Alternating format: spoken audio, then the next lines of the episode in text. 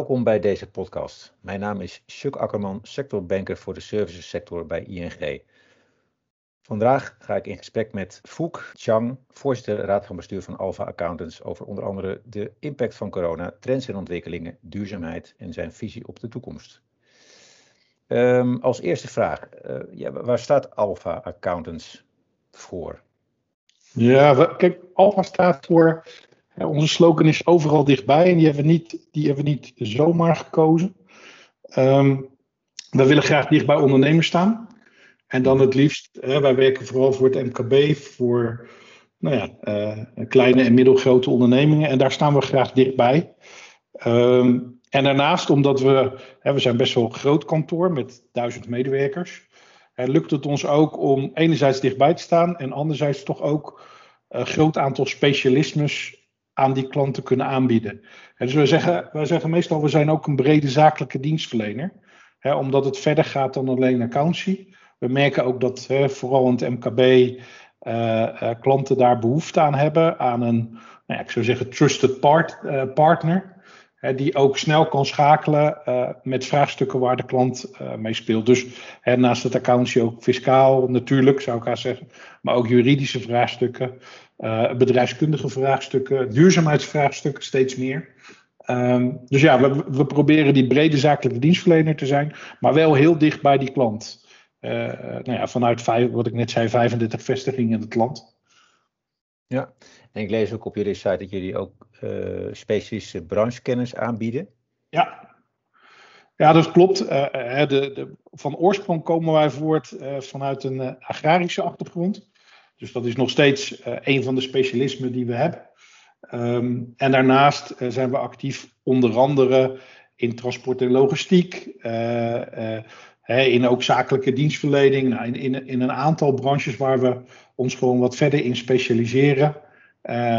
omdat we mensen aan boord hebben die veel kennis hebben van een dergelijke branche. Duidelijk. En uh, ja, dan even terug naar vorig jaar. Hè. Uh, februari, maart diende corona zich aan. Hoe, hoe zijn jullie daarmee omgegaan als, als Alfa? Ja, ik, ik, toevallig, ik, ik zat laatst met mijn crisisteam, zoals dat dan netjes heet. En toen haalden we dat ook weer eens terug. Ik weet nog heel goed dat ik, ik was zelf uh, op een avond in een hotel uh, voor een van onze vestigingen. Die zou ik bezoeken de volgende dag. En ik had het journaal gekeken en uh, ik bekroop mij een, een beetje raar gevoel. Zo van, dit kan nog wel eens heel erg groot worden. We waren er dus, uh, die, diezelfde avond heb ik ons crisisteam geïnstalleerd. Uh, en de volgende dag ook overleg gehad met een van mijn collega-bestuurders. En we hebben gelijk besloten om een tweede team te maken. Um, die vooral keek hè, naar, dat noemden we een topteam, die vooral keek naar de problematiek van klanten. Want we, we zagen wel aankomen dat dit klanten heel erg kon raken. En anderzijds onze organisatie. Dus twee teams. Eén is heel erg bezig geweest met alle vraagstukken die op klanten afkwamen. Natuurlijk ook alle regelgeving en de, hè, wat vanuit de overheid is gekomen. En anderzijds een team wat heel erg naar de binnenkant keek, naar onze eigen organisatie. En ja, daar zijn we verschrikkelijk druk mee geweest. We hebben in eerste instantie natuurlijk heel veel vragen van klanten beoordeeld, uh, gekregen. En ook, nou ja, die moet je ook kanaliseren in je organisatie. Moet je goede antwoorden op vinden. Dus daar was dat topteam uh, heel de tijd mee bezig. Heel veel webinars gegeven in die tijd ook. Omdat we ook ineens met de situatie kwamen dat we niet meer zomaar bij de klant op bezoek konden. Dus ja, eigenlijk best wel, best wel heel veel gedaan. En intern natuurlijk het hele vraagstuk. Ja, op een gegeven moment nou, iedereen naar thuiswerken. Gelukkig uh, was onze uh, ICT zodanig dat we dat heel snel konden. We waren binnen een dag, zeg maar, werkte iedereen thuis. Ehm, dat was natuurlijk wel wennen. maar ja, dat eigenlijk tot op de dag van vandaag gaat dat eigenlijk best wel goed. Dus ja, eh, veel werk verzet, enerverende periode. En als je kijkt naar de impact totaal voor Alfa van, van corona, hoe, wat is die impact geweest? Ja, de, kijk, de, heel wisselend. La, laat ik zo zeggen, we zijn collega's verloren. we, we hebben heel veel klanten geholpen. We merken nog steeds dat, dat de wedstrijd bij klanten. Eh, we, we, komen klanten tegen waar het heel erg goed gaat. ondanks de corona, we komen klanten tegen waar het heel erg slecht gaat. Ik heb wel eens respect voor onze mensen dat ze soms ochtends een gesprek hebben met een klant waar het heel goed gaat. En dan smiddags, nou ja, bij bij een ondernemer aan tafel zit die het niet meer ziet zitten. dat, dat vergt best wel wat van mensen. Ehm, eh, en tegelijkertijd uh, gaat het met Alfa gewoon goed. we konden ons gelukkig, is die slag naar thuiswerken goed gegaan. Natuurlijk met horten en stoten. niet iedere medewerker lukt dat even goed. Dus ook daar hebben we wel op geanticipeerd. Ehm, maar uiteindelijk zijn wij, nou ja, we, hebben recentelijk onze cijfers bekendgemaakt. Uh, en die waren gewoon heel goed. We hebben geen steun gehad. En ja, we zijn gewoon, je zou kunnen zeggen, ontzettend goed door de crisis heen gekomen. Wat we, wat we wel altijd zien, en, en, en nog steeds zijn we alert. Omdat accountskantoren, er is over het algemeen wel van bekend dat wij wat laatcyclisch reageren op gebeurtenissen in de markt. dus we houden de vinger goed aan de pols. wat er gebeurt, ook wat er bij onze klanten gebeurt. Ja, omdat je daar gewoon alert op moet zijn. Dat, dat je kan acteren op het moment dat het. Ja. En als je kijkt naar de coronacrisis en, en, en, en, ja, wat, wat heb je ervan geleerd? Wat zijn de, zeg maar, de, de, lessen die je op ondernemersvlak geleerd hebt van de, van de crisis? Nou ja, dat je nooit een risico moet onderschatten, denk ik. Dat is nummer één. Hè? Want wie had, dit, wie had dit voor mogelijk gehouden? Uh, uh, tweede ook wel, nou ja, is, uh, heel mooi de flexibiliteit van je personeel. die toch in staat zijn om in hele korte tijd hè, zich om te schakelen.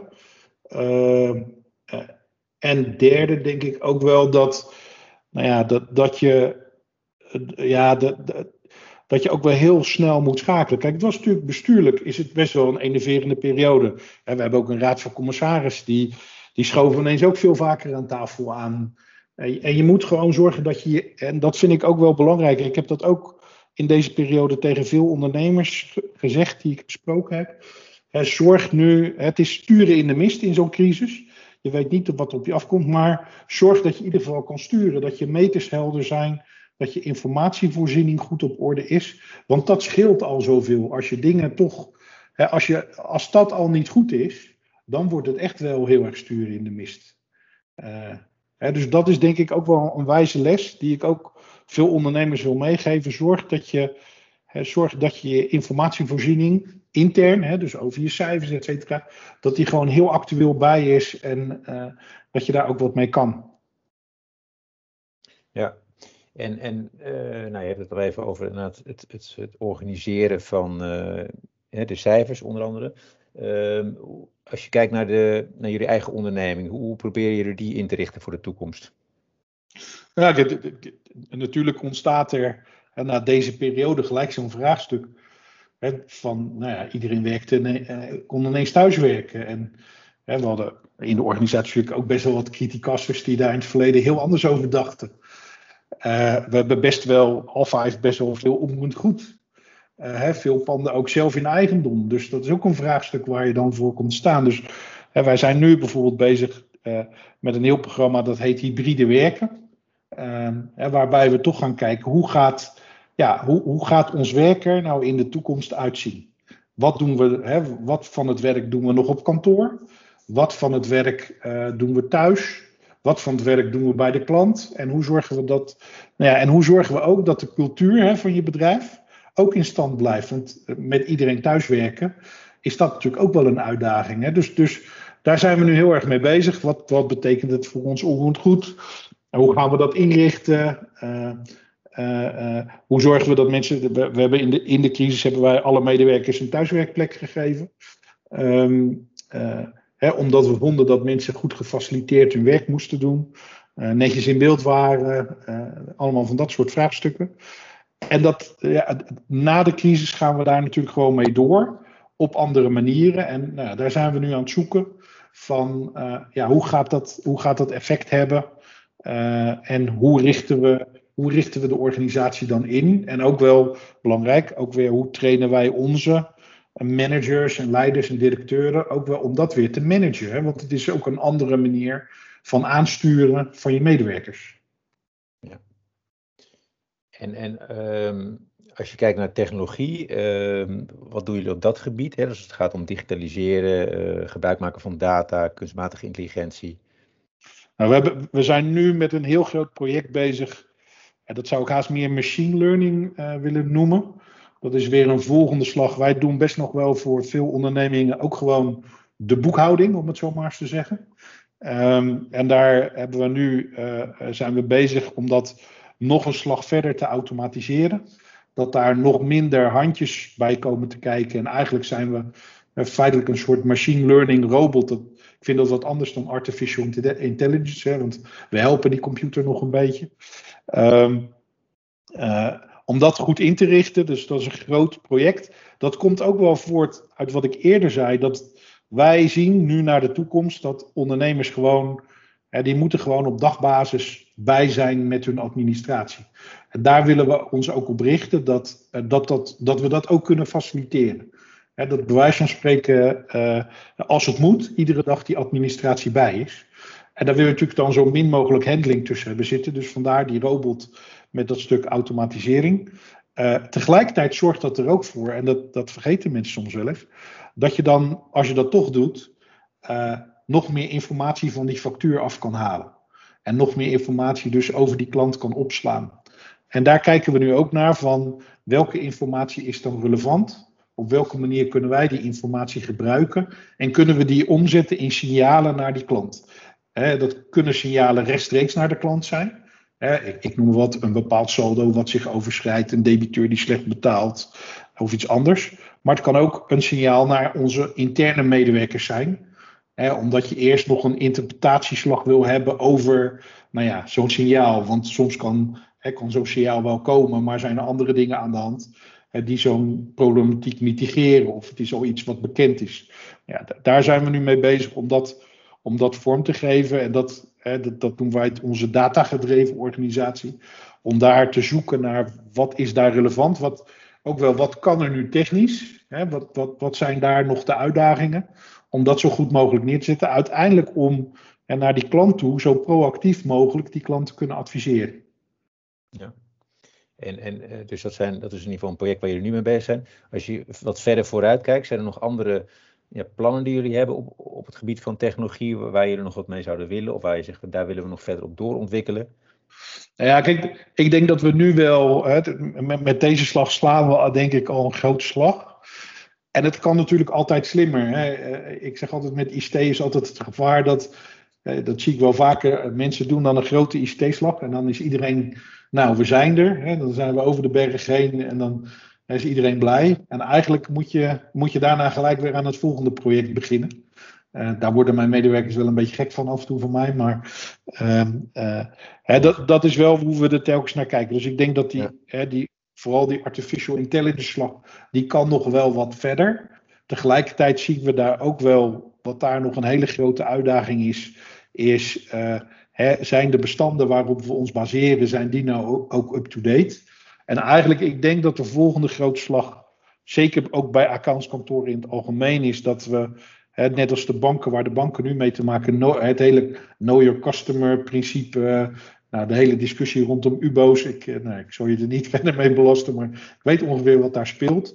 Die komt ook op de accountie af. En dus ook daar denk ik dat wij zullen gaan kijken hoe kunnen we dat ook wel misschien wel met een stukje lessons learned van de banken. Ik zie dat de aanbieders die dat nu bij de banken aanbieden, ook wel naar de accountiemarkt toe komen.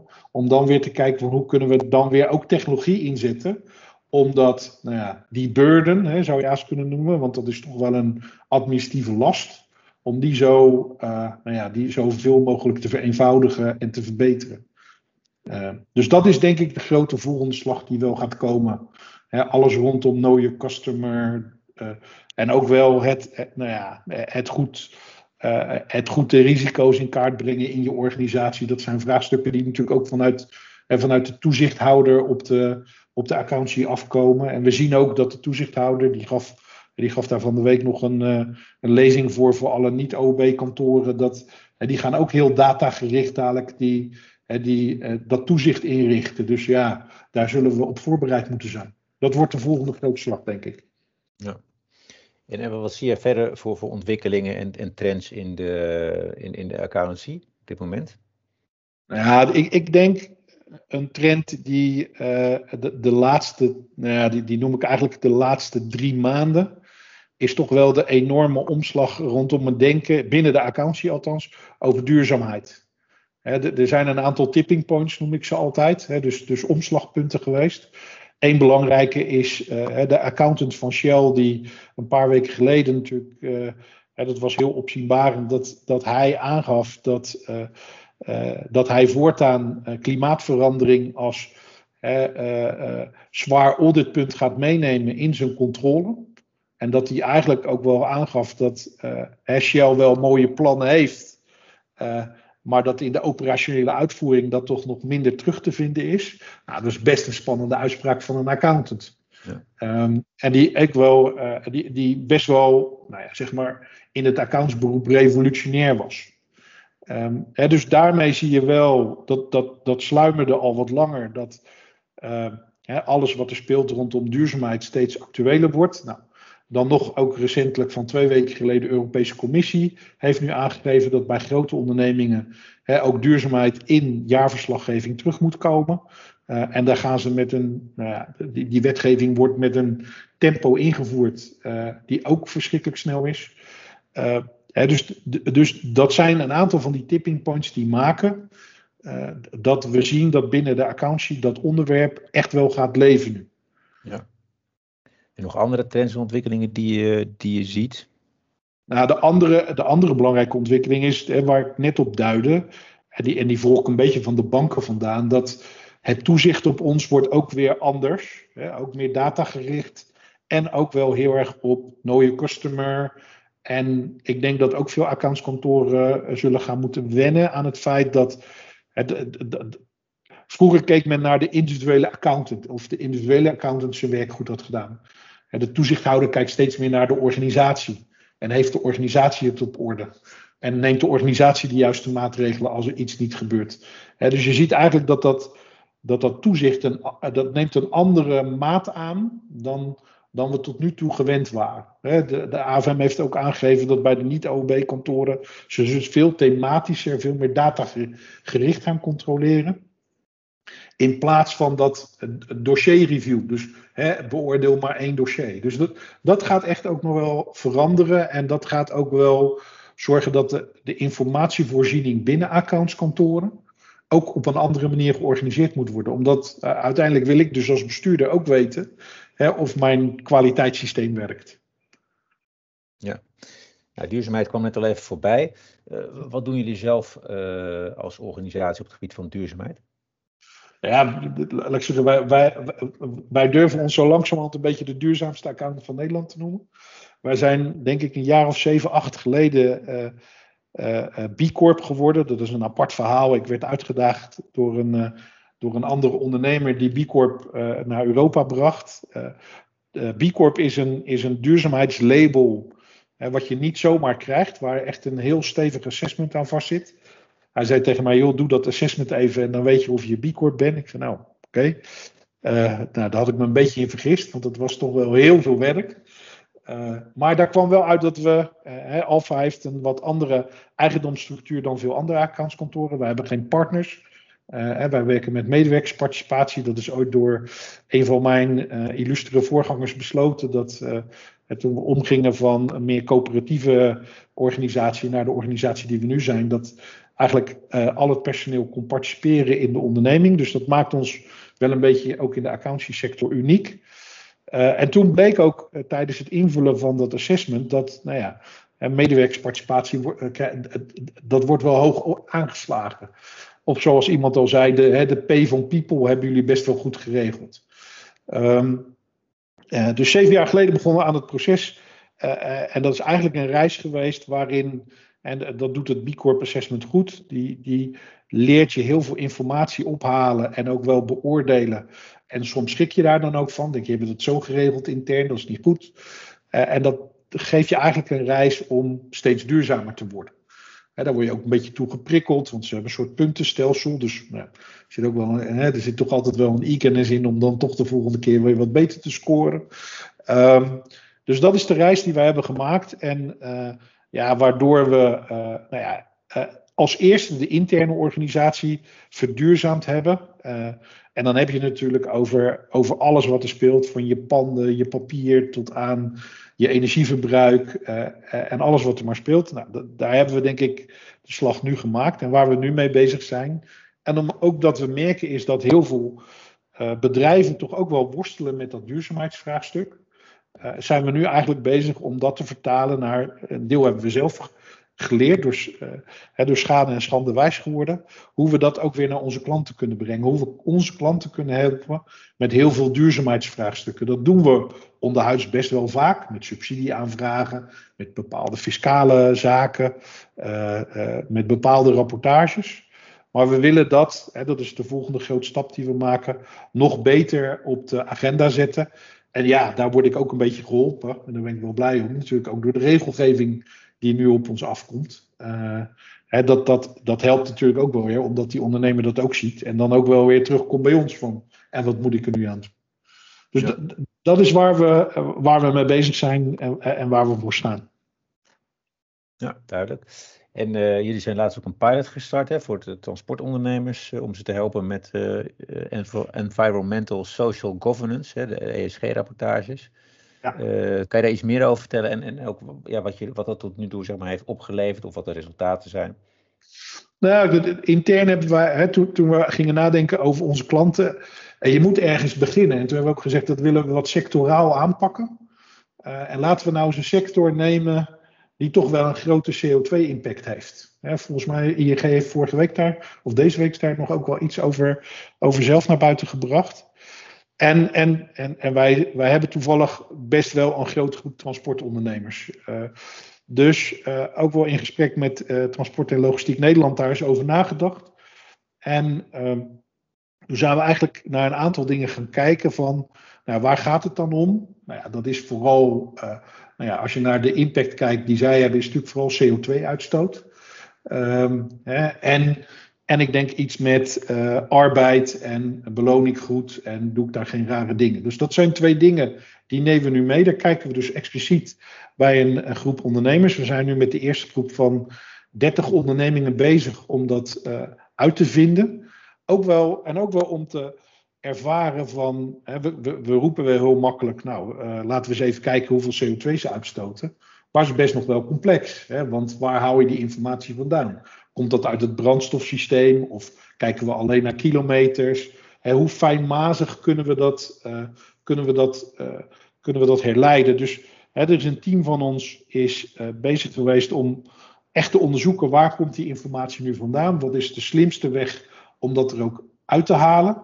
En samen met een automatiseringspartij zijn we dus ook aan het kijken hoe we dan Hè, zonder die klant weer met heel veel administratieve lasten uh, te verzwaren, dat uit bestaande informatiesystemen naar boven kunnen halen en daar dan over kunnen rapporteren. En wat we, en dat, dat vind ik ook wel een leuke, we vertalen het dan uiteindelijk ook door naar geld.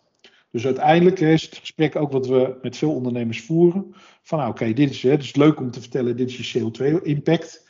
Uh, maar ja, we weten ook wat de prijs van CO2 is. Hè, althans, het ETS-systeem geeft daar ons een indicatie van. En dus herleiden we hem ook wel weer op het resultaat. En dat is voor veel ondernemers best wel spannend, want dan, hè, dan houdt de winst- en verliesrekening hè, niet op na de belastingen en de netto winst. Maar dan zeggen we: oké, na die netto winst halen we dan ook nog eens even een soort nou ja, impactresultaat eraf. En wat blijft er dan over? En dat geeft, nou ja, zeker in de transportsector, is dat een van de dingen ja, de impact van, hè, van CO2. Nou, de Europese gemeenschap heeft vandaag gezegd, of gisteren daar ook weer een uitspraak over gedaan, dat die best wel CO2-intensief is. En dat dus dat als daar dus een heffing op komt, dat dat best wel grote gevolgen heeft voor je bedrijfsvoering. En daar zou je dus over na moeten denken. En dat, dat vind ik het mooiste, dat, dat we de discussie met die ondernemer daarover aangaan. ik, ik, ik ga daar niet zeggen dat het. Ik, ik vind ook niet dat het goed of fout is. Maar ik wil het voor hem tastbaar maken, dat hij snapt dat dat een impact heeft. En dan kom je vanzelf op het gesprek. En wat kan je er nu aan doen? En dat vond ik ook wel, dat, vond wel grappig. Jullie kwamen zelf van de week uh, met dat andere onderzoek. En dat is ook heel vaak wat ik, uh, wat ik tegen die ondernemers zeg. Um, ik zat er laatst met een aantal transportondernemers. En die, en die zei, ja, moeten we dan een elektrische truc aanschaffen? Ik zei, nou, ik vraag me af of dat duurzaam is. De man helemaal verrast. Wat bedoel je daar dan mee? Ik zeg, nee, duurzaamheid gaat over zuinig. Dus als je als eerste instantie met die bestaande truc zuinig gaat rijden, dan heb je al een impact. En dan nou ja, telt dat onderaan de streep ook gelijk weer mee. Dus het, het zit soms in kleine stapjes uh, om dat te doen. En daarmee maak je, en dat vind ik ook het leuke van dit traject, we maken dat hele grote duurzaamheidsprobleem, wat voor veel ondernemers ook een, iets groots is. En als het groot is, hè, dan denk je, ja, waar moet ik beginnen? Proberen we dat ook heel klein te maken. Uiteindelijk terug, even naar ons vak, naar de winst- en verliesrekening. Oud, dat doet pijn. En dan met elkaar na te denken, en wat zijn nou de oplossingen? Hoe gaan we hier nu uitkomen? En dan ook nog, hè, dat hoeft niet van de, van de ene op de andere dag. Maar hè, dat is een transitie, dus daar heb je ook de tijd voor. En moet je ook slim mee omgaan. Ja, nou, mooi, mooi, mooi praktijkvoorbeeld, denk ik, uh, inderdaad. Um, je bent daarnaast ook nog boekbeeld van de Groene Brigade van de MBA. Wat houdt dat precies in en, en wat zijn jullie plannen? Nou, kijk, eigenlijk zou die, zou die groene brigade. Die, die, die, kijk, wij accountants zijn altijd, eh, altijd goed om iets heel erg saai te maken, zeg ik altijd. Dus eigenlijk heet, uh, heette de, uh, de, de, de groene brigade heette eigenlijk de commissie niet-financiële informatie. Ik zei, nou, dan, dan snapt niemand meer wat wij aan het doen zijn. Uh, dus daar, die hebben we toen omgedoopt naar de groene brigade.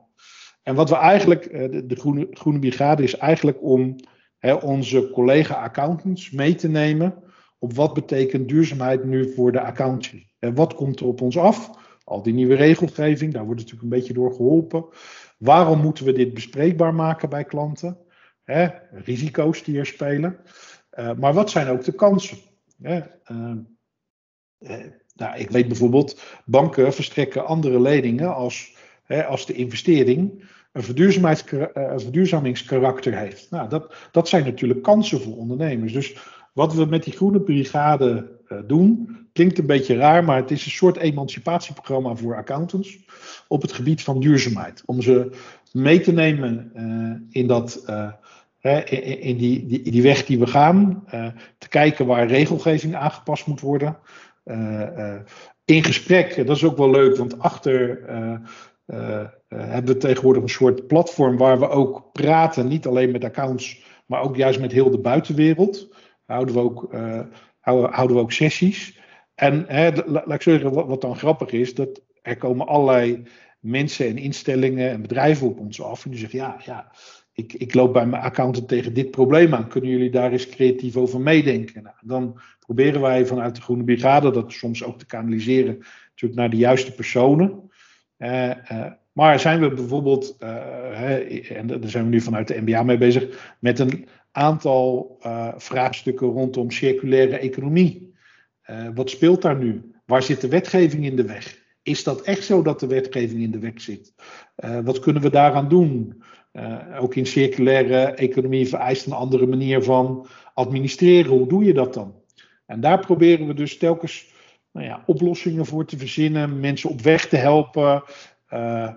soms ook zelf weer eens na te denken van hoe zit dat in elkaar?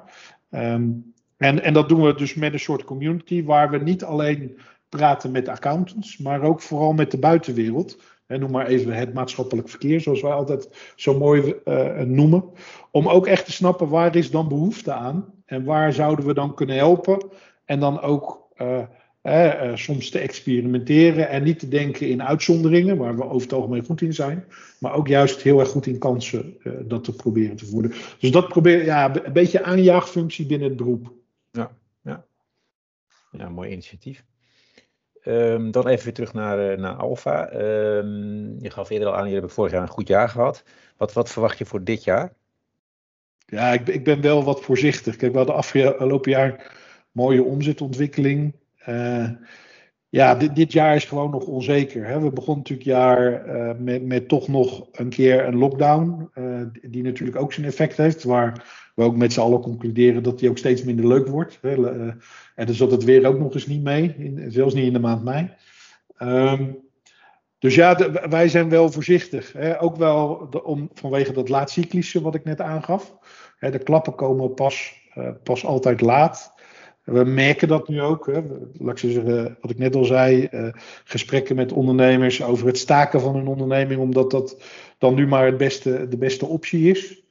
Uh, dus uiteindelijk verwacht ik dit jaar nog wel een groei, maar niet zoals het afgelopen jaar. Dus ik, ik denk, uh, volgens mij hadden we ingestoken op een groei van ongeveer 4%.